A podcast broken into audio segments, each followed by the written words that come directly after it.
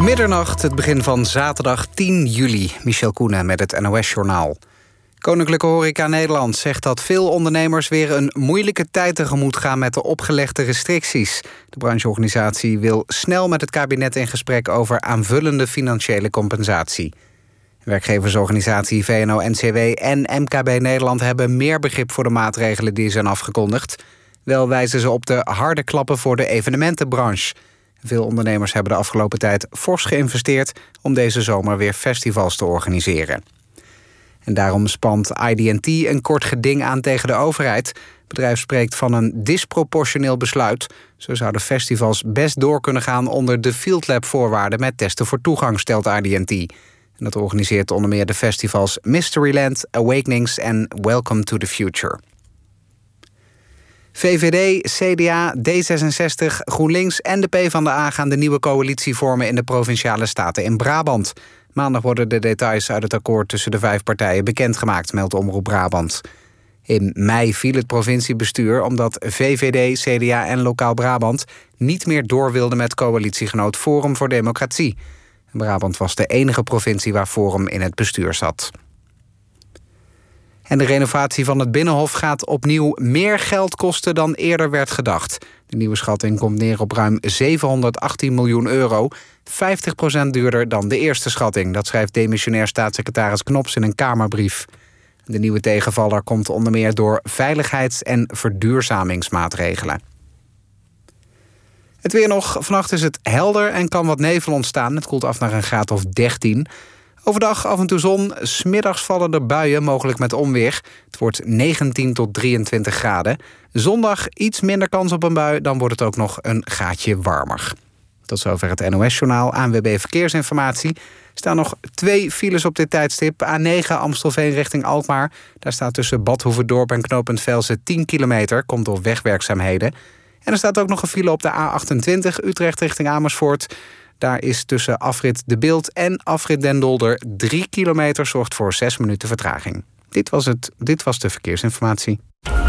NPO Radio 1. VPRO. Nooit meer slapen.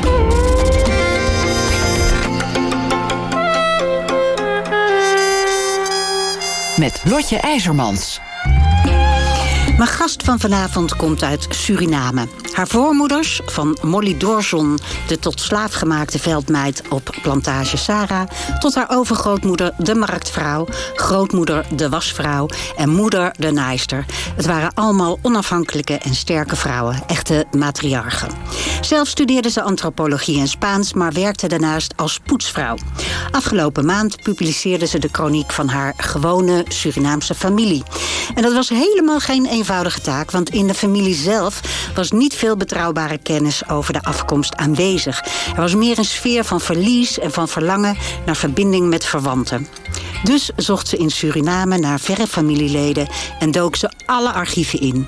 Dat kostte haar ruim tien jaar en ze zei net zelf dat ze er nog steeds moe van is. Maar nu ligt het er, de Doorsons. Op zoek naar een Afro-Amerikaanse slavenfamilie in het Caribisch gebied van Roline Redmond.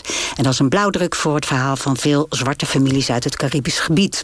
Roline Redmond werd geboren in 1949 in Paramaribo, schreef ooit het boek Zwarte Mensen in Kinderboeken en had een eigen onderzoeksbureau voor sociaal-maatschappelijke organisaties. Ze is getrouwd, heeft twee volwassen uh, dochters en woont in Utrecht. Welkom.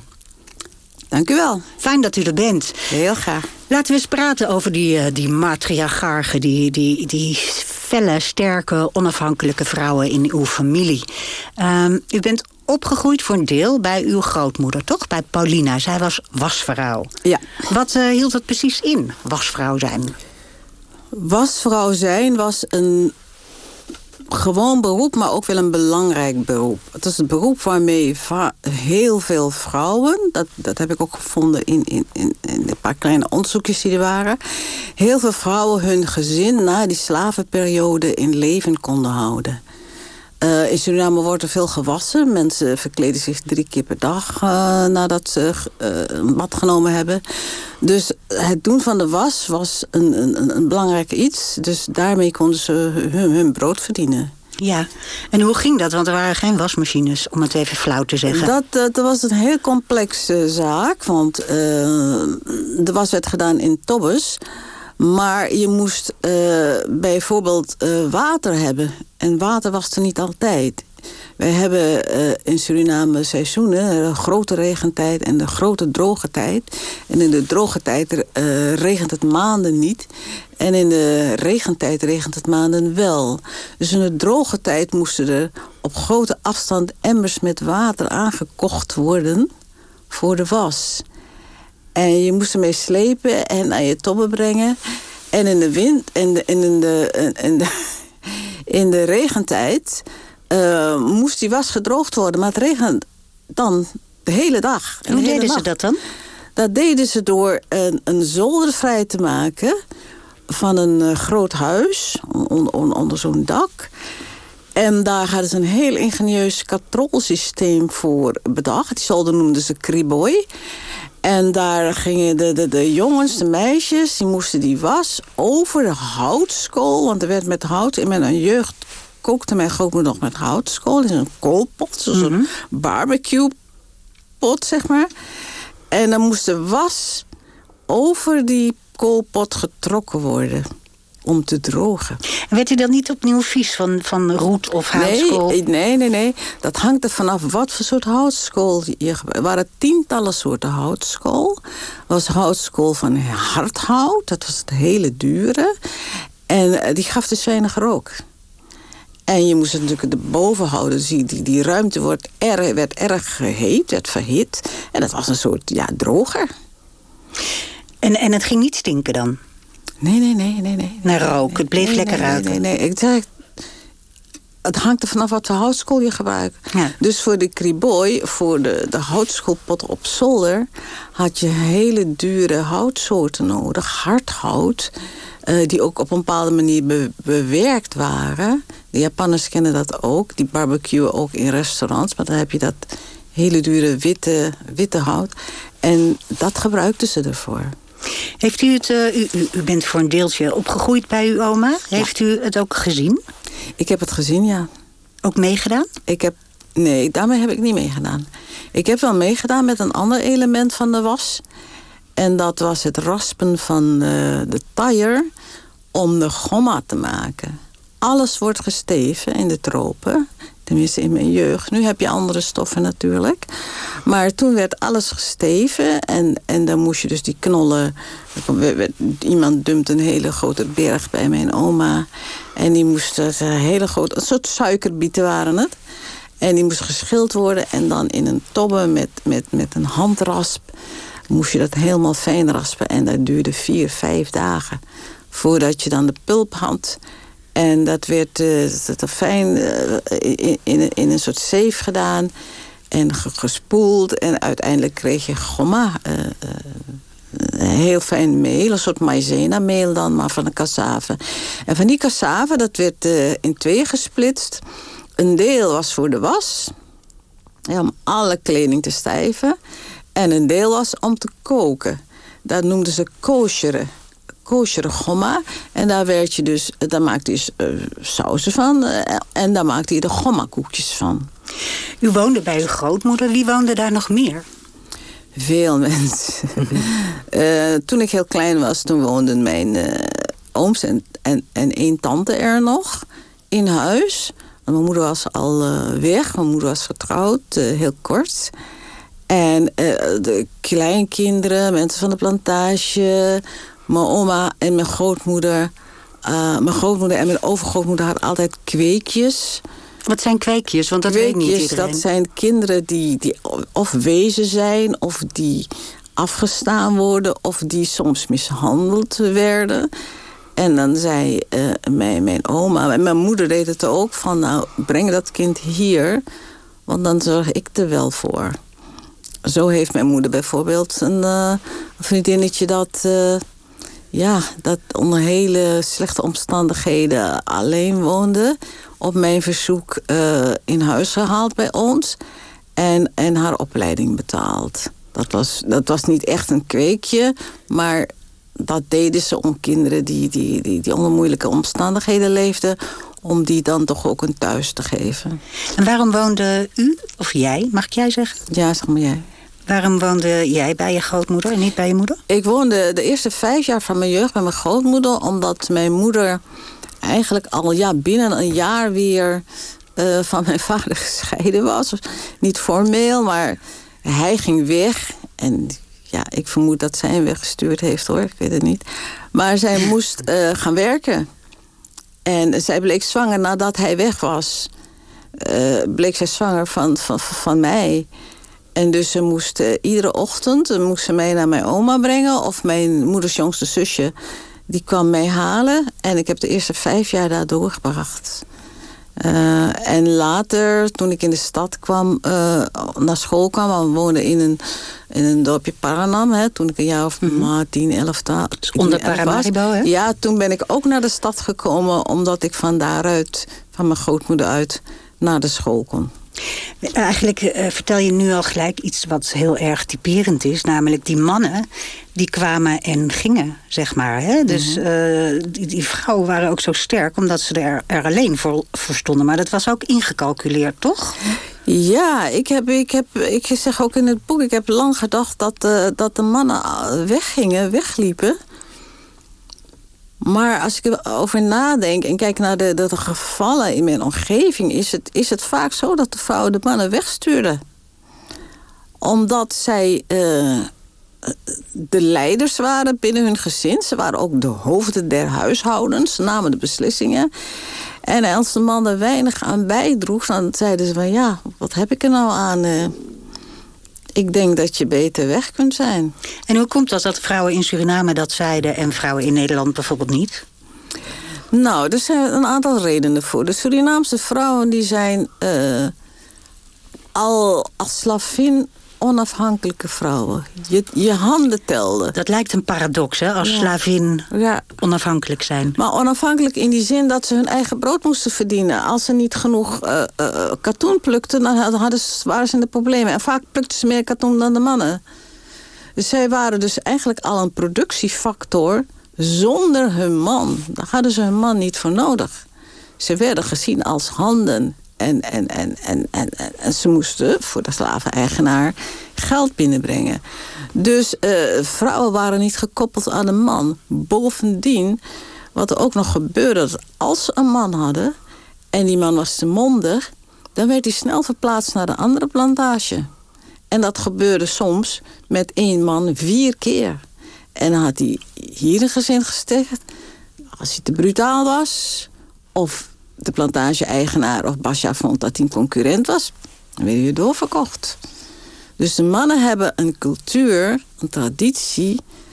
Eigenlijk een gruwelijke traditie... van dat ze steeds weggehaald werden uit de gezinnen. Dus het was eigenlijk, ja, dat zat in de, in de traditie en in de genen, zou ik maar zeggen. En in, in de cultuur. En, ja. en, en die, die cultuur die werd natuurlijk ook uh, uh, uh, gestimuleerd door de eisen die het stelde aan de mensen. mensen kregen niet de gelegenheid om sowieso te trouwen... want daarvoor moet je belangen bij elkaar zijn. Maar dat, dat gebeurde niet. Ze waren een product. Ja. Als, als de man een plantage had in Saramaka... en hij had een goede slavinnen... dan moesten ze daar naartoe. Of hun man nou daar nog op de plantage was of niet... of hun moeder nog op de plantage was of niet. Ze werden verplaatst. Ze werden frequent verplaatst om, om, om ergens anders weer te gaan werken en te produceren. Dus het was ook erg moeilijk voor de mensen om, om, om een gezin te vormen. Ja. ja. Even, in jouw overgrootmoeder is Constantina. Zij Constantia. Kwam, Constantia, sorry. Uh -huh. Zij kwam... Uh, uh, zij werd geboren op 1 juli 1863. 1863. De dag van de afschaffing van de slavernij. Ja. Maar toen moesten mensen eigenlijk nog tien jaar als slaaf werken. Dat is ja. haar ook overkomen. Daarna is ze eigenlijk naar Paramaribo gegaan. En wat jij zo mooi vertelt is... als die mensen dan zo'n lange reis hebben gemaakt... dan moeten ze eigenlijk drie dagen slapen. Ik vond ja. dat een prachtig verhaal. Want wat gebeurt er in die drie dagen dat ze slapen? Die drie dagen slapen, mijn moeder deed dat nog. Als ze uit Nederland kwam, dan wist de familie... Um, je moet er de eerste drie dagen niet wekken. Dan bleef ze... En mensen dachten vaak dat ze ziek was... Maar ik wist van mijn moeder hoe dat zat. Dat zij de rust nodig had om weer in balans te komen.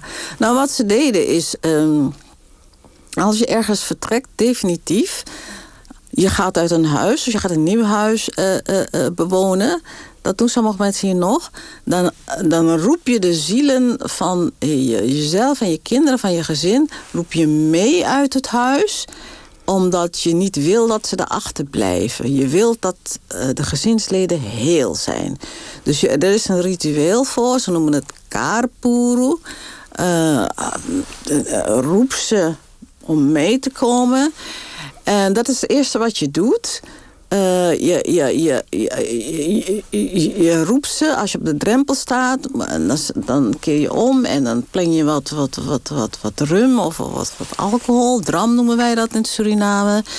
Om de, zielen te vragen, de geesten, de akra noemen wij dat. De kra, dat is de, de, je oppergeest die, die bepaalt hoe je in het leven staat. En die je altijd beschermt. Je kra, en die moet je meenemen. Maar de kra die gaat dus niet zo erg. En van heel veel mensen is de kra dus in Afrika gebleven. Dus ze hebben er heel veel last mee gehad. Eerste wat je deed uh, als je wegging, je ging je, je, je overledene... Daar ging je afscheid van nemen hè, op de plek waar ze dan begraven waren. Dat noemde je de cabra, de voorouders, hun geesten. Van ik ben er niet meer, ik ga weg, ik moet weg, ik kan niet anders. Maar ik hoop dat anderen voor je zorgen. En uh, dan deed je dat karapuru. En dan ging je in de stad die drie dagen uh, slapen.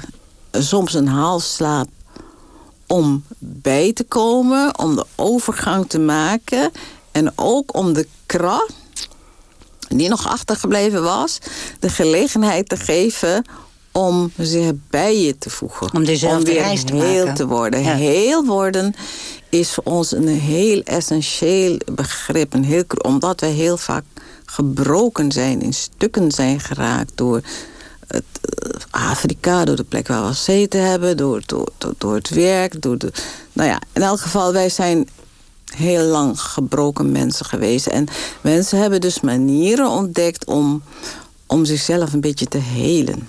En dat drie dagen slapen ritueel, dat hoort daarbij dat bijvoorbeeld? hoort daarbij. Um, al die dingen zijn eigenlijk geworteld in, in het gegeven van de slavernij, toch? Ja. Ja. Ja, zeker. Ik denk dat dit natuurlijk wel ook uit West-Afrika komt, hoor. Dat, dat kan uit West-Afrika gekomen zijn ook. Dat is, dat is een gewoon ritueel. Dat, uh, dat, dat, mensen reizen daar natuurlijk ook. Maar uh, heel veel is geworteld in de slaventijd. Ja. ja. Jij had binnen jullie familie had jij een speciale functie. Jij was de boodschapper. Ik was boodschapper, uh, boskoppelman. Uh, de jongste van een groep mensen die in de tijd van geen telefoons en zo... die de familieleden moesten gaan bezoeken... en uh, moesten berichten wat er gebeurde in de familie... en of er dingen geregeld moesten worden. En vooral ook gewoon om te gaan vragen van... hoe gaat het? En dan zei je tante... mama laat tante vragen hoe het met tante gaat... En dan hoorde je of je tante of, of niet goed maakte, of ze een probleem had. Hoe uh, oud was je toen? Uh, ik begon ermee toen ik een jaar of tien was. Maar dan krijg je hele volwassen problemen te horen. Ja, dat is waar, ja. En hoe ging, ging je daarmee om? Nou, ik vond het niet leuk. Ik vond het zwaar soms. Ik moest heel veel uh, verbergen. Heel veel geheimen. Ik, heb ik ken geheimen van mijn familie die, waar, die ik de dood mee in zal nemen, die ik niet zal vertellen. Omdat ik dingen te horen kreeg, ook dingen zag. En ook dingen kon deduceren. Van ik dacht, oh, dat is toch wel heftig allemaal. Als je zo jong bent. En, dat, en waarom had jij die functie? Waarom was niet een van je neven of nichten de boodschapper? Dat weet ik niet. Ik weet wel dat ik... Um, binnen mijn gezin, in de relatie met mijn moeder en de relatie met mijn oma. Degene was die altijd de vragen stelde en ook wilde weten van. Misschien wilde ik ook wel weten hoe het met ze ging, meer dan andere gezinsleden. Ik, ik, wilde, ik, ik wilde ze ook bij elkaar houden. Ja, ja, dat was ook jouw verlangen, zeg maar. Altijd, ja. ja. Dus je kreeg dingen te horen en dan moest jij eigenlijk bepalen of je dat door ging vertellen aan je moeder. Ja. Of niet. Zo- Waren er veel dingen die je niet doorvertelde? Weinig. Want eh, ik achtte mijn moeder erg hoog. En ik, eh, ik loog niet. Maar soms wel. soms deed ik het. Omdat ik de afweging maakte. Dat degene die, ehm, die ik zou verraden, zeg maar... Ja. dat die een groter probleem zou krijgen... dan wanneer ik de waarheid vertelde. Ik moest zelf die afweging maken, soms. Ja, dus een Zelden. Maar enorme druk. Hm? Enorme druk op jou. Dat vond ik wel. Ik vond mijn, mijn jeugd... eh, hoe moet ik het zeggen? Ik had heel veel verantwoordelijkheid. En ik, misschien wilde ik het ook wel. Maar daar ben je niet zeker van. Het is grappig dat je eh, nu tien jaar onderzoek hebt gedaan naar je eigen familie. Je bent inmiddels eh, richting de 70 of, nee, of 72. 72. En, en nog steeds zeg je wijfelend, ja, ik ben er niet zeker van. Nou ja, soms denk ik eh, dat ik dat ik een beetje gedragen ben. Dat ik een soort rol heb gekregen die... Een soort script wat al voor mij klaar lag. En soms denk ik, ik had zelf ook wel interesse. Het is een combinatie, Ja. Een opdracht eh, die jou goed paste, maar Ja. die wel zwaar was. zeker, ja. Je bent op een gegeven moment naar Nederland gekomen. Eh, hoe oud was je toen? 19. Hoe was dat? Moeilijk. Wat was zo moeilijk? Het was moeilijk omdat ik, ja, ik denk dat ik een beetje depressief aankwam. Ik miste mijn familie. Ik had een jaar daarvoor had ik op Nikeri gewerkt, waar ik ze al gemist had. Ik was gewend aan mensen om mij heen. Nikeri ligt Ik helemaal was in nooit het eh, alleen. westen hè, van Ja, Suriname. ja, ja, ik was nooit alleen. Dus ik miste mijn familie, ik miste mijn broertjes en zusjes, ik miste mijn oma, ik miste al die mensen die ik steeds zag. En eh, dat was de moeilijkheidsgraad 1, dat is een emotioneel vlak. Maar ik vond het ook een moeilijk land. In die zin van eh, eh, dat ik bijvoorbeeld als ik een kamer wilde, wil, wilde huren... Dat ik, dat ik de deur gewezen werd. Dat was mij nog nooit En overkomen. waarom werd je de deur gewezen? Ja, ik, ik, ik, ik, ik, eh, ik, ik weet dat ik... In, in Utrecht had je het Utrechts Nieuwsblad... en die werden dus in etalages achter glas in een vitrine... en daar stond ik al te wachten en dan stond er kamer te huur. En dan fietste ik er in noodgang naartoe... en ik wist dat ik de eerste was. En dan keken de mensen van boven de trap naar me beneden... en dan zeiden van ja, de kamer is al verhuurd. En dat is een paar keer voorgekomen. Omdat je zwart bent.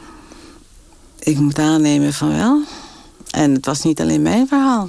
Het was het verhaal van heel veel anderen. En, en die, die vernedering, want zo, zo hebben wij dat ervaren. Dat was voor ons ja, toch nieuw en, en, en schokkend eigenlijk.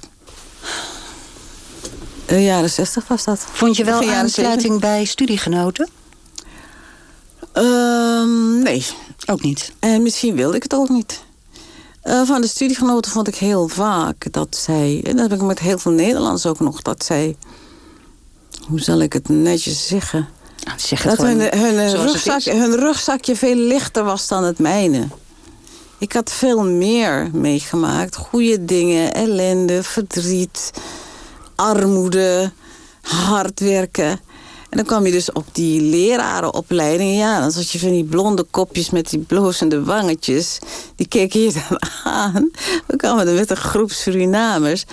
En wij dachten van ja, dit zijn mensen waar wij niet zoveel mee kunnen uitwisselen. We hebben heel, allemaal veel meer meegemaakt. Dus die aansluiting was er niet.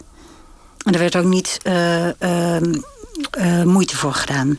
Nog vanuit jullie kant, nog vanuit nee, de andere nee, kant. ook niet vanuit onze kant. Want wij, wij eh, zij vanuit hun kant niet. Want ze hadden geen flauw idee wat Suriname was. En waar het lag en wat er gebeurde. Echt niet. En tot nu toe, ik zit in clubs en daar verbaas je je over zo hoe weinig mensen weten. Maar daar kunnen ze niks aan doen. Want het hele beleid hier is geweest van, hou dat stil. En een andere reden waarom wij geen contact zochten was... van hun kant eh, kenden ze ons niet. En van onze kant dachten we van ja, het brengt ons niet op om met die mensen in contact te gaan of een nauwe vriendschap aan te gaan. Omdat die kloof uh, gewoon ook, ook gewoon te groot is. Maar dan maakte je jezelf ook wel eenzaam. Nou, wij hadden, alleen wij, nee, nee, wij hadden onze Surinaamse vrienden. We hadden in Utrecht een netwerk. Uh, Hans Breveld, Ronald Mee, Hanna Beljot. Daar heb ik uh, mee samen gewoond een tijd. Dus we deelden een, een, kamer, het was haar kamer. En ik kwam erbij in uh, uh, We hadden, we, hadden, we, hadden, we hadden ons netwerk. Jullie hadden elkaar. En ik had al heel snel binnen dat netwerk... een meneer die later mijn man geworden is. ja, dat is altijd Die hobbelde mee met ons. Als de liefde er is. Ja. Um, um, um, Jij, jij, deed twee studies hier in Nederland. Waarom ging je studeren? Want je kwam niet uit die traditie. Hoe kwam dat op je pad? Was dat jouw Ik wilde altijd antropologie doen, omdat ik altijd belangstelling had voor mensen, ook voor de andere etnische groepen. Ik weet nog dat ik ooit eens uh, gebiologeerd uh, keek naar een groep Marons. Die had ik voor het eerst gezien. Dat was in Dopje Panam en die kwamen met een bootje aan bij een brug. En ik had nog nooit zulke mensen gezien. Marons zijn de mensen die uh, weggevlucht zijn uh, het ja, binnenland in. Het zijn zwarte mensen, maar het waren andere soorten mensen. Ik vond ze schitterend. Ik vond ze prachtig. Ze hadden een huid. Nou, die glansde je tegemoet. Ze, ze, waren prachtig. Ze waren anders. En ik stond met open mond te kijken. Wie zijn die mensen? En later bleek dat eh, ze werden vaak uitgelachen in de stad. Eh, de, de laatste Maron die nog vlechten had, die werd na, nageroepen en nagejouwd en uitgejouwd. En ik vond ze mooi en ik was een uitzondering. En daarom wilde je culturele antropologie. Ja, ik denk dat ik altijd dat heb gewild. Je hebt in die tijd ook heel veel gepoetst. Hè? Ze noemden je de play, playgirl, omdat je de play schoonmaakte. Uh, ik laat dat even, even voor wat het is, want ik wil eigenlijk naar je moeder. Want jij hebt uh, al die vragen die je aan je familie gesteld hebt... heb je doorverteld aan je moeder, waar je dat goed achtte. Maar op een gegeven moment, aan het eind van haar leven... raakte je in gesprek met haar moeder, met jouw moeder... en ze vroeg jou twee dingen te doen. Welke twee dingen vroeg ze jou? Het was eigenlijk een opdracht. Het was een opdracht. Um, zij vroeg mij uh, de geschiedenis van de familie uh, vast te leggen.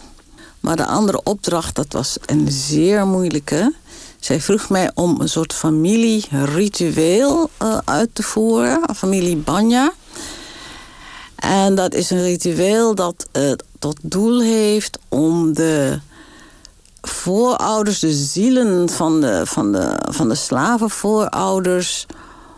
om die uh, te troosten eigenlijk. Om die uh, te respecteren, om die te herdenken, te gedenken... en die uh, zich te laten verenigen met de nakomelingen. Dat wil zeggen, je bent niet alleen, wij zijn er ook voor jou... en laten wij samen de familie vormen, zoiets. Dat, die banja, dat was een, een, ritueel dat zij zelf graag voor elkaar had willen boksen. Ja, is niet gelukt. Wat haar niet gelukt is. En uh, om het wel, jou wel te laten lukken... moest je eigenlijk eerst de hele geschiedenis van de familie vastleggen. Dat klopt. En waarom was dat nou zo ontzettend moeilijk? Het was moeilijk omdat mensen niet over hun verleden willen praten. Je hebt het ook gezien bij Joodse mensen hè, die uit de oorlog kwamen dat het gewoon niet mogelijk was. Dat, het was te veel verdriet, het was veel ellende. En mensen zeiden, ja, we moeten voort. En het leven is toch moeilijk. Dus uh, ja, val me niet lastig met dingen over vroeger. Uh, mensen wilden dat niet. Dus je moest overreden. Je moest twee keer gaan, drie keer gaan. Ja, ik weet het echt niet meer. Ik ben het vergeten. En dan langzaam aan. Dus het heeft heel veel tijd gekost dan, dan, dan kwam het een en ander naar, naar boven. En dan, dan gingen ze praten. Maar je moest ze eigenlijk, hoe noem je dat, verleiden om te, om te gaan praten. Dat is één. En twee is een, een, meer technische zaak. Dat er geen archieven zijn uh, waar iets over staat, over slaven. En als die er zijn, zijn de gegevens erg sumier. Want wat mensen vergeten is dat slaven waren geen mensen. Het was roerend De Romeinse slaven waren mensen, maar de, de, de, de slaven uit de koloniale periode, dat was roerend goed. Ze komen ook op lijsten voor als, als artikelen. Dus men heeft nooit genoteerd van hoe hun moeder heet of hun vader weten, heette. Maar hun leeftijd en of ze gezond waren en, en, en, en hoe krachtig ze waren, dat waren de dingen die telden. Het was mijn werkmateriaal. Dus het was, het, was, het, was, het was moeilijk om informatie te vinden. En dat was ook een van de redenen waarom het zo zwaar was. Eén, dat de mensen niet, niet meewerkten. Maar twee, dat je dus keer op keer uh, met je neus uh, gedrukt werd op het feit dat je op zoek was naar dingen. Geen mensen. Voor mij waren het mensen. Maar voor degene die, die de pen hanteerden en die de foliovellen volschreven...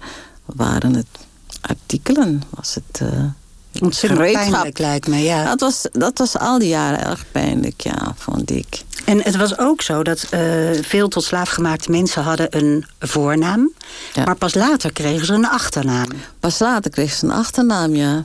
Maar daar werd ook heel raar mee omgegaan. Want als je in hetzelfde huis woonde, ja, of je dan familie was of niet... dan kreeg je dezelfde naam. Klopt, klopt. Ja, dat, dat, moest heel snel gebeuren.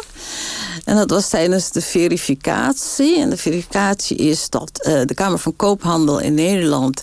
die zou alle slaven aankopen van de slavenhouders... plantagebezitters en de overheid die slaven had. Maar ja, ze wilden wel weten van... Uh, je zegt dat je honderd slaven hebt, maar klopt dat wel? Dus ze stuurden een comité om te komen kijken wie wie is... En uh, in dat proces uh, proberen ze mensen dus namen te geven, achternamen. Want je, je, had vijf fortuins en, en, en, vier Catharina's. Dus wie is wie is, men probeert ze uit elkaar te houden. Dus toen pas kregen mensen namen. Maar dat wil niet zeggen dat de mensen die een naam hebben... allemaal bloedverwanten zijn. Nee, dus het maakte de, het in kaart brengen van jouw familie... en een soort stamboom ja. uh, uittekenen... was gewoon een enorm moeilijk proces... waarvoor jij keer op keer opnieuw naar uh, Suriname bent gegaan... in je eigen tijd, voor je eigen ja, geld. Dus het was een Eigenlijk enorme... zelfs vier keer, want ik ben er daarvoor ook al geweest. Maar goed, ik, voor het boek reken ik drie keer, ja. Wat waren je grootste ontdekkingen? Mijn grootste ontdekkingen is dat er toch een lijn zat in de familie. Dat de familie de kracht had om, om bij elkaar te blijven. Dat de familie zorg verleende aan elkaar. Ondanks het feit dat ze weinig hadden. Ze deden alles aan om bij elkaar te blijven. En ik begrijp het ook, want daarvoor, toen ze uit Afrika kwamen... hadden ze geen familie. Iedereen was op zich. Dus je moest een familie gaan creëren... En, uh, en een, maar dat zijn de mooie dingen. De, een van de lelijke dingen is ook dat mensen uh, niet aan het verleden wilden denken. Dat mensen ook dingen wegdeden die, die ze aan het verleden deed denken. Dus er was bijna niets bewaard gebleven. Alle spullen of kleding. Alle spullen, dat is dus materiële dingen. Maar geestelijk, dat, dat vind ik heel erg. Dat mensen dingen verdrongen hebben. Dat mensen goede zaken, goede culturele zaken uit Afrika meegenomen. Weggegooid hebben onder invloed van de koloniale overheid. Onder invloed van uh, de kerk. Hebben ze heel veel gewoonten en gebruiken die ze hadden kunnen beschermen. Hebben ze ook weggedaan. Dus eigenlijk kwamen ze ook met lege handen te staan. Een goed voorbeeld daarvan in jouw boek is uh, de functie van griot. Dat is in Afrika iemand die verhalen vertelt van de familie. En op die manier de familie bijeenhoudt. Ja. Maar daar dachten de slaafhouders heel anders over. En jouw moeder ging dat op een gegeven moment ook als een soort uh, scheldwoord gebruiken. Scheldwoord, ja. Ja, ja, ja. Heel veel geld van heel veel gebruiken. Van vroeger. Ja, doe nog niet zo vernegerd. Uh, zeggen mensen nog steeds. Doe niet zo vernegerd? Ja, ja. En mensen kopiëren de taal, het gedrag dat hebben ze kunnen doen omdat het zo lang geduurd heeft, die periode van de onderdrukker. Dat zijn mensen ook gaan, gaan, gaan incorporeren. Dus een soort internalisering ja, van... dat, dat is het meest trieste. Wat, wat, wat ik ontdekt heb. Dat ze gewoon zichzelf totaal kwijtgeraakt zijn. En um, de, de, de, de griot, uh, of Jelia in, in West-Afrika... Jelia is de vrouwelijke variant... die, uh, die, uh, die, die, die, legt de lijn van de familie vast en die herinnert mensen eraan wie de voorouders waren. Maar uh, dit gezegd hebbende, realiseer ik me ook dat je pas een, een griot of, of een, een, of een gelia aan het werk kan zetten als je familie hebt. Als je in je eentje op een slavenschip bent gekomen, ja, wie ga je dan in die lijn zetten? Dan heb je niemand. Toch ben jij nu eigenlijk met dit boek, met dit in kaart brengen, een griot geworden? Absoluut. Ik, door mijn werk, die ik, laten we heel duidelijk zijn, ik heb het never, nooit kunnen doen zonder de hulp en de steun van de hele familie. Dat, dat gaat jou niet lukken. Dus ik, ik, ik, ik, ik heb dat nu in kaart gebracht. Maar de familie zelf heeft mij dus ook geholpen om Ja. een soort griot te worden. Je kreeg ook eh, informatie over de familie die ehm, in de familie heel anders bewaard was, zeg maar. Bijvoorbeeld over Petrus Doorson. Ja, Eh, oom P. Dat was in de herinnering van de familie een heel ander soort man Ja. dan. Kun je daarover vertellen? Ja, Wat je ontdekte? Oom P. Nou ja, die werd altijd uitgelachen en belachelijk gemaakt. En op de familiefeestjes, eh, daar hebben we het altijd over onze verwanten. En eh, weet, je, weet je wel, tante Sientje op feestjes, begon bij rouwdienst kon ze ontzettend huilen. En oom P, en oom P van oom P werd verteld dat hij dus ja, een beetje een... eh, querulant was, een rare man, behangen met eh, eh, zilveren sieraden, grote kettingen en, en, en, en een, groot zakhorloge van gewassen goud. En, en hij sloeg mensen. Iemand had die klap verkocht en die bleef dood liggen. Dat is inderdaad gebeurd. Eh, de familie had hele sterke mannen. En... eh, en OP, die, eh, die, die, die, eh, die, die, die maakte altijd ruzie. En eh, weet je wat, die man die was zo sterk, die kon een boom opvangen. Seriously? Maar eh, die OP die werd dus echt belachelijk gemaakt. En, en een rare gast. Totdat ik ontdekte dat het een van de voormannen was... die Anton de Kom heeft geprobeerd te beschermen. Maar dat heeft onze familie ons nooit verteld. Terwijl dat toch echt iets is om trots op te zijn. Hè? Het was tijdens een, eh, een opstand in 1933... toen Ja. Anton de Kom in de gevangenis zat. Ja. En zij eiste dat zij vrijgelaten Ja, werd. Dat is toch een rol waar je, waar je als familie trots op mag zijn. En waarom is dat dan toch zo een schertsfiguur geworden? Dat weet ik niet. Dat is iets waar ik. waarvan ik mij afvraag van. ehm, je moet misschien om dat te kunnen, moet je toch een basis van.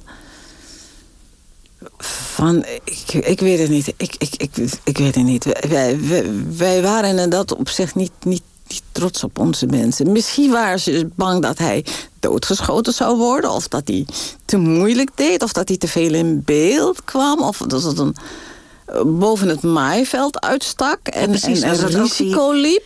Internalisering. Ja, ja, ja, het kan ook. We hebben geleerd om, om, om ons klein te houden. Anders kon je niet overleven. En oom P, die deed dat dus niet. Dus eh, misschien was dat een vorm van kritiek op die man. Man, hou je stil, ze gaan je doodschieten. En, en dat had kunnen gebeuren, want bij een van die opstanden is, zijn er twee mensen gedood. En hij had zijn eh, shirt opengetrokken en zegt van... nou, schiet mij dan maar neer. Nou, dat hebben ze dan niet gedaan. Maar ze hebben wel twee anderen gedood. Dus dat risico liep hij wel. En misschien waren ze daar ook al bang voor. Ja, dus om te overleven moest je altijd zorgen dat je in de mal paste die Ja, men ja, voor je ja. bedacht had. Niet boven het maaiveld uitsteken. Er was ook een andere oom die bleek een beetje gedaan te hebben wat jij deed, namelijk een boek geschreven. Ja, dat is ook een verrassing. Wat niemand in de familie wist. En niemand, niemand ook wist gelezen het. had. Niemand heeft het gelezen, niemand wist het. Ik heb de uitgever nog eh, gebeld, heb ik contact mee ingevraagd. Van de, hoeveel heb je verkocht van dat boek? Nou, hij had er 300 verkocht. Boek uit 2006. In Suriname. Ja. En het gaat En dat over zullen, zijn niet, leven. het zullen niet veel Creolen geweest zijn. Want? Die lezen dat niet. Het zullen, ik heb het boek gekregen van iemand. Dat was eh, Ja, Ellie Juffermans, een Nederlandse vrouw getrouwd, getrouwd met een Chinese theoloog. Ik zocht het boek en die had het. Dat soort mensen kocht het boek. Niet, Ja. niet Creoolse Surinamers. Want die willen die beurput niet meer opentrekken en die willen niet lezen. Over die periode en over... Nou, daarover heb ik ook het een en ander gezegd. Het is te simpel om te zeggen, ze willen niet lezen. Mensen mochten niet lezen. Mensen mochten niet leren. Daar kregen ze forse straffen voor. Als zij dus, In de slavenperiode. ja, als zij dus schooltjes elkaar gingen onderwijzen. Dat mocht niet. Ja, ze- als ze gingen lezen en leren, dan konden ze geen slaaf meer zijn. Dus dat mocht sowieso generaties lang niet. En ik zei ook dat de stukken die ze onder ogen kwamen... die waren vaak hun nadeel.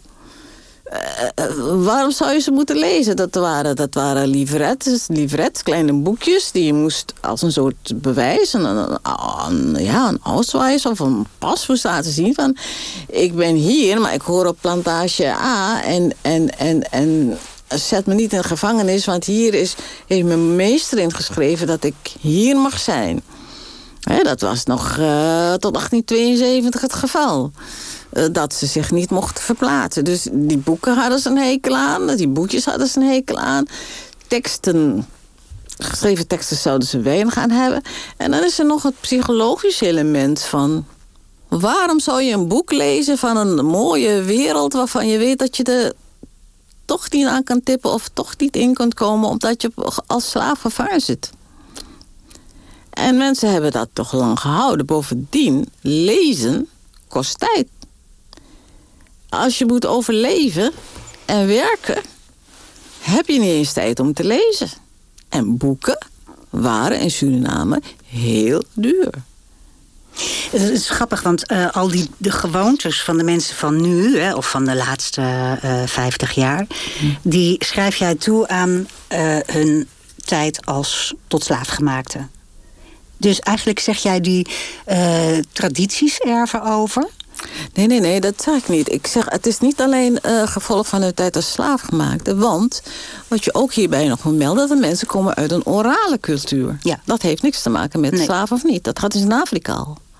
Dus wij zijn gewend om berichten, informatie mondeling door te geven. Ja. Ik denk dat onze mensen blijer zouden zijn met een podcast... dan met een boek. Ja, dus dan kom je eigenlijk weer op die, op die griot, zeg maar, die eh, verhalenverteller. Ja, mondeling. We vertellen verhalen, Snap we vertellen elkaar verhalen. En, en, en, en dus de slavernijden, ze mochten niet lezen... maar ook, ze hadden ook daarnaast ook nog een orale traditie... Ja. waarin die mondelingen werden doorgereden. Dus als hij het boek in de familie steeds bij stukjes verteld had... dan had iedereen dat geweten, maar... Een geschreven boek, nee, dat is lastiger. In, in, in jouw boek komt ook eh, de, de nazaten van de eh, slavenfamilie. Hè, de, de slavenhouder van eh, Sarah, de plantage, komt voor. En eh, het is een, net een beetje als bij de podcast van Maartje Duin Maartje, en, ja. en Peggy Maartje en Bouwvaart. Peggy, ja. Dat, dat het heel raar is om die twee kanten te belichten. Ja, en het grappige is dat die man, eh, dat de, de nazaten van Dessé... en Mhm. van de week bij Pointer van de NCRV en de KRO... werd nog bekend dat hij een van de, de slaafhouders is ge- geweest... die het rijkst is ja, een van de rijkste. Eh, en zijn nazaat woont bij jou op de hoek... of woonde bij jou op de hoek in Eigenlijk bij mij op de hoek, ja. In een arbeiderswoningje. En Nee. die hadden eigenlijk niet zoveel geld. En Nee, nee. ook een heel moeilijk leven Ja. gehad. Nee, de, de, de, de, de, de nazaten, de rijkste nazaten, die wonen bij mij om de hoek aan de Gerard Douwstraat. Maar de man die ik gesproken heb, Ja. de zoon van, van, van die man die nog in Burnside, op de plantage Burnside geboren was, die woonde in een arbeiderswijk. En, daar was van niet- dat geld niks meer over, toch? Nee, er was niks meer over. Eigenlijk een bizar verhaal, toch? Dat dan twee, drie generaties later... dat het volkomen geniveleerd is. Mhm. Ja. Dat gigantische verschil. Ja. En eh, dat hij eigenlijk tijdens... Althans voor deze familie hoor. Ik, ik kan Ja. niet spreken voor andere families, maar... Nee, in Ja. dit geval. En, Maar- en eigenlijk werden zij in Utrecht ook weer een beetje gediscrimineerd als buitenlanders. Ja, Ongelooflijk verhaal. ja, ja. Ehm, ik wil even weten naar ehm, een ander. eh, even praten over een ander figuur. Willem Wijks. Hij was een succesvolle visser in jouw familie. Ja. Ehm, maar hij eh, kreeg psychoses. Ja. En ehm, werd opgesloten in Wolvenbuttel. Wolfenbuttel. Ja. Buttel. Ja. Een eh, psychiatrische inrichting. Ja. Dat had heel veel eh, invloed op de familie, hè? financieel, Ja. maar ook emotioneel. Kun je daarover vertellen? Het is heel ingrijpend geweest. Heel ingrijpend voor, voor, voor, voor de hele familie. Iedereen heeft heel lang om die man lopen treuren. Ook omdat ze niet begrepen wat er aan de hand is. Hij was zo succesvol. Waarom was hij in één keer gek geworden? En ik denk dat het ging om, om, om psychoses, om, maar de familie die heeft er eh, op heel veel manieren last van gehad. De, de zwaarste manier was de emotionele manier. Ze hielden zielsveel van hem. Ze waren hem kwijt. Hij was niet meer ja, aanspreekbaar. Ehm, maar hij, hij was ook een, een, een, economische factor. Hij hielp de familie onderhouden. Omdat hij eh, heel succesvol Ja. was met zijn vissersboot. Ja, ja. En jouw oma eh, op de markt vis verkoopte. Constantia, ja, ja. Die verkocht zijn vis. En de vis van haar neven, ook allemaal doorzoons. En eh, het was een goede bijdrage aan, aan, aan de rest van de familie. En ik weet, eh, mijn tante eh, Françoise, die vertelde van... ja, als we die vis gingen halen, dan kregen wij een, een, een, koeba, dus een kom op ons hoofd. En dan lagen er grote moten in, want de doorzoons eten alleen maar de beste, duurste vis. Maar dan waren er allemaal hele kleine visjes aan de strengetjes, zeg maar het afval. Nou, dat stonden de mensen op het erf al in de rij. Want ook die profiteerden daarvan. Van- Ja, dus toen, toen degene die ook boven het maaiveld uitstak en Mhm. succesvol was, in een inrichting terechtkwam, Ja. in ieder geval in een psychiatrische kliniek, ja, dat was wel echt de bodem dat onder was de een voeten uit. drama, dat was een ramp. Ja, Er is heel veel trauma hè, bij er is heel veel families. trauma, ja. Jouw echtgenoot is daarin eh, gespecialiseerd in psychiatrische problemen bij eh, Surinaamse mensen. Nee, nee, niet mijn echtgenoot. Ik Oh, heb dat het dacht ik, aan iemand verteld, dus die, die heeft contact gehad. Nee, mijn echtgenoot ehm, ehm, heeft zich warm gemaakt voor trans, transculturele psychiatrie. Hè? Als hij was ook opleider. Maar mijn schoonzoon is, eh, is een Surinamer. En die, die houdt zich daar ook mee bezig. Die komt dus vaker in de Verenigde Staten. En voor de opleiding, hè, je moet eh, één keer per jaar moet je dan eh, je bijscholing doen. Dat doet hij in de Verenigde Staten of in Canada. En daar ontmoet hij een subclub van eh, zwarte psychiaters. Die, die komen uit het Caribisch gebied, die komen uit de Verenigde Staten, uit Zuid-Amerika. En die adresseren, zeg maar, trauma van eh, de gewezen slaaf. Wat, wat zijn die trauma's? Die trauma's zijn dat eh, mannen zich bijvoorbeeld eh, heel moeilijk kunnen binden. En als je dan zwart op wit dan voor het eerst vindt in de boeken, ook geschreven door de EBG'ers, hoe vaak dat die mannen vaker EBG'ers? Evangelische Broedergemeente, dat is een kerkdienst die, die, die, die de mensen begeleiden, dat de mannen vaker van de plantages weggehaald werden bij hun gezin. En steeds opnieuw een gezin moest stichten. Dan kun je je afvragen, zegt mijn schoonzoon, of de epigenetica, noemt hij het geloof ik, eh, dat je ook dingen doorgeeft aan je zoons, bijvoorbeeld. Van die al- Epigenetica. Ja. Dus dat is niet alleen een, een soort traditie of cultuur die je maar dat je doorgeeft, maar overerft. Je genetisch. geeft, dingen door, je geeft dingen door. Wat ik bijvoorbeeld doorgekregen heb van mijn moeder, mijn grootmoeder, is de angst voor twee dingen: voor water, zwemwater. Ik kan uitstekend zwemmen, maar ik raak nog steeds in paniek. Ze zijn bang voor water. Ze zijn bang voor het slavenschip waar ze in gezeten hebben met water. Ze zijn allemaal bang voor water. Ze willen allemaal niet in het water. En de angst dat je kinderen weggehaald werden. Als ik met vakantie ging, dan kwam mijn moeder de dag daarvoor bij mij langs. pas op die kinderen. Laat ze geen minuut uit het oog. Denk erom. En dan was ze dus echt... Ja, heel... En wij moesten er een beetje om lachen. Maar mijn moeder had het dus over kinderen die weggehaald worden. Bij de ouders. Dat is wat ze mij vertelde. Want dat gebeurde ook? Dat gebeurde in die slaventijd. De kinderen werden apart verkocht. Die werden weggehaald. Omdat het ze op een gegeven moment bien opbrachten. Of ze, ze werden meegenomen als slaafje naar Nederland of zo, weet ik veel. Maar de kinderen werden weggehaald. Je kon je kinderen kwijtraken. En mijn moeder was dus altijd bang van... Uh, dat ik met vakantie zou gaan... dat ik terug zou komen met één kind minder of zo. dus heeft altijd gehad. Dan zei oh, je moeder komt er weer. Oh, we gaan met vakantie. Ze gaat weer beginnen over de kinderen. En die epigenetica, is dat een, een wetenschappelijk erkend fenomeen? Ik weet er heel weinig van. Dan moet u bij schoonzoonmaker oh. hier vragen. Gaan we die ook een keer uitnodigen. Want het is heel interessant natuurlijk... Uh, als je uh, trauma's genetisch overerft... Mm dan suddert alles nog jaren, eeuwenlang dan door. Kan het door. Dan kan het doorsudderen, ja. Daarom moet je weten eh, eh, eh, welke die zijn. En waarom zijn die er? Dan, dan kun je er iets mee doen. Dan kun je zeggen, oké, oké, oké. Dan moet ik zorgen dat mijn kinderen niet bang zijn voor water. En dan moet ik niet angstig toekijken wat ze zien in mijn blik je hebt non-verbale signalen waarin ze kunnen zien van water is eng. Hoe heb jij dat gedaan met de opvoeding van jouw dochters? Hoe heb jij geprobeerd die cirkel te doorbreken? Uh, ik heb ze zo min mogelijk verteld over mijn achtergrond. Ach. Uh, dat is uh, bewust, omdat mijn kinderen hebben een Nederlandse vader... en die zijn in Nederland uh, opgevoed.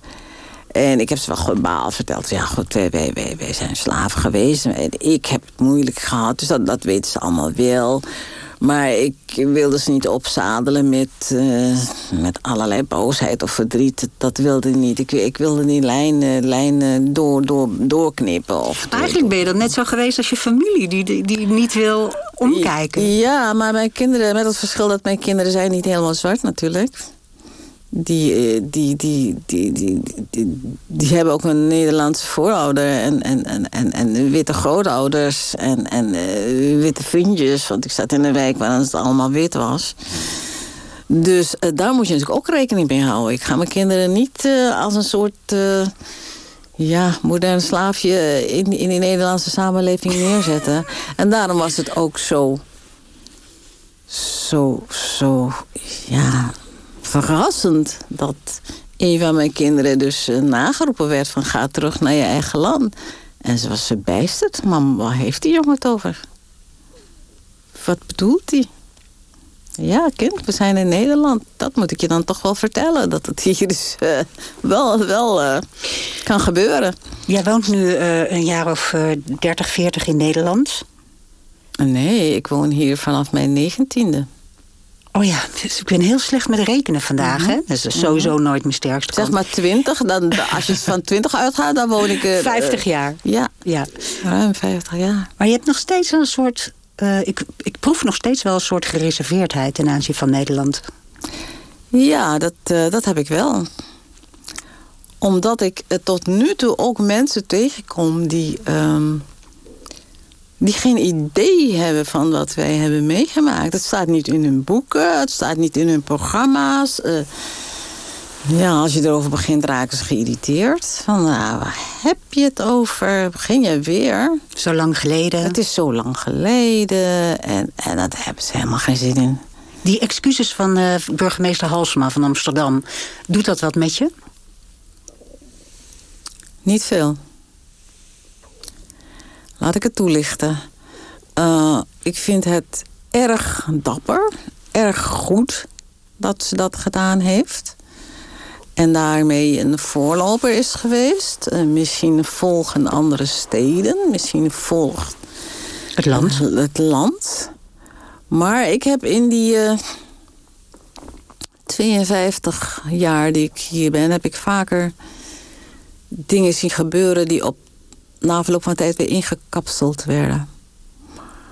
En toch doodbloeden of bleven napruttelen, maar niet dat er niet echt door. Je bent bang dat het niet ergens toe leidt. Ik denk, ja, ik zie het wel als het gebeurt. Ik, uh, maar ik, ik, ik, ik roep nog niet uh, van halleluja de buitens binnen. Nee, Kick-out Zwarte Piet, Black Lives Matter... dat zijn geen dingen die jou hoop geven. Nee, omdat we... Oh, kijk, Kick-out Zwarte Piet... Uh, daar, hebben wij eerder al gedaan. Daar hebben we, zijn al zeker twee golven geweest... een Surinamers geprobeerd hebben om aandacht te vragen. Maar dan is er even een opleving, er wordt iemand aangesteld, blablabla. En na vijf jaar is het weg, weer weg. Dus het kan hoor, dat het nu wat, beter gaat. Maar, maar kijk maar naar de Verenigde Staten, hoe lang die daar ook bezig zijn. Ziet toch ook niet op? Nee, ja, ik kan me jouw houding voorstellen. Ik, ik ben zelf iets optimistischer, maar ik ben ook minder uh, betrokken dan jij natuurlijk. Mhm. Dus dat uh, zegt misschien niet zoveel wat ik ervan vind. Eventjes, jij kreeg van je moeder twee opdrachten. De ene was de familiegeschiedenis uh, in kaart brengen. Nou, dat heb je gedaan met heel veel pijn en moeite. Dat is gelukt in dat prachtige boek. Maar de banja, de helende bijeenkomst voor de hele familie. Is dat ook gelukt? Ja, dat is gelukt. Alleen in natuurlijk een moderne versie daarvan. Want wat is er eigenlijk... Eh, we hebben niet zo heel lang meer... maar kun je nog even vertellen wat een banja in de ouderwetse versie is? Een banja is een, een, een bijeenkomst. Je hebt, je hebt, je hebt, je hebt er wel, zeven soorten van. Uh, je hebt feestelijke banja's. Je hebt, eh, maar de, de banja waarbij je de voorouders wil herdenken, gedenken, troosten, thuis laten komen is eigenlijk een geheim ritueel... dat heel veel Surinamers niet kennen. Ik doe opening van zaken voor het eerst. En er zullen mensen zijn die dat niet leuk vinden. En de banja is een, een, een ritueel waarbij... Um, uh, mensen, uh, de familie, de hele familie bij elkaar komt in, in, in gala-kleding. Die gaan in gebed en seclusie. Ze sluiten zich af. ze ze praten over hun voorouders, ze bidden, ze troosten ze. Ze zeggen, eh, jij hebt mij geholpen en ik zal altijd voor je zorgen. Ze maken verbinding met de voorouders. En dan wordt er, er eh, zijn een aantal rituelen, ik zal het kort houden. En dan wordt er een scheepje gemaakt, een houten scheepje, een zeilschip. Een replica? Een replica van een zeilschip. En dan zeggen ze, wij jullie hebben Afrika gemist, jullie zijn geroofd. We weten dat jullie uh, nooit uh, coming to terms... Uh, nou, ja, dat, maar wij zullen zorgen dat jullie terug kunnen gaan naar Ningere Kondre. Dat is Surinaams voor, voor Afrika dat jullie daar weer terug kunnen gaan en je verenigen met je kra en met je ziel die daar achtergebleven is. Eh, dat is het rituele gedeelte, het, het, het, het, het, eh, sacrale gedeelte. Dan komt het gedeelte van uh, toneelstukken. Uh, want mensen denken, toneel, Banya is toneel, dat is het ook. Toneelstukken, de Anansi-verhalen, de OMP-verhalen. En aan het eind komt een dansfeest. En dat dansfeest, dat is het enige wat de Europeanen, de koloniën kenden. Want ze kwamen natuurlijk niet op dat sacrale gedeelte. Dus ze vonden het maar een liederlijk geheel. Als de mensen dus aan het dansen waren. Maar ze wisten niet dat daarvoor twee andere thema's behandeld waren. Want daar waren zij nooit bij. En jij hebt een eigen tijdse versie van dat prachtige ritueel kunnen doen met je familie. Ja. Uh, was het helend? Het was erg helend voor ons. We hebben het uh, gehad over onze voorouders. Wij, wij, wij, wij, kwamen bij elkaar. Bij iedere bijeenkomst hebben wij even een, een moment van stilte gehad. En reflectie. En gedacht aan die voorouders. Eigenlijk was het banja in het klein. De, de, de, organisatie dan, het organiseren ervan. Dat was al heel leuk. Want wij... Uh, wij uh, wij, wij gedachten, uh, dachten aan onze voorouders, gedenken. En wij, uh, daarna gingen we vergaderen. En daarna gingen we eten. En dat eten was heel toevallig vaak dat oude Afrikaanse eten. Die gerechten die, die wij kennen. En die, op, die, die rituelen ook, ook gegeten worden. En uh, ja, dan, ging, dan hadden we al even lol met elkaar daarna. Ik, ik hoop dat je heel erg trots bent op jezelf. Dat je deze moeilijke opdracht van je moeder uh, volbracht hebt. Ik vond het een uh, genot om je boek te lezen en om nu naar je te luisteren. Roline Redmond, het boek De Doorzons ligt in de winkel.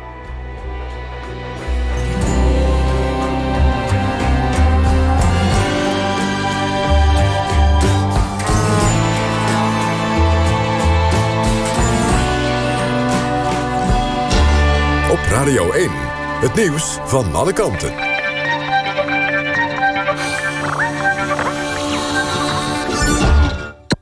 NPO Radio 1.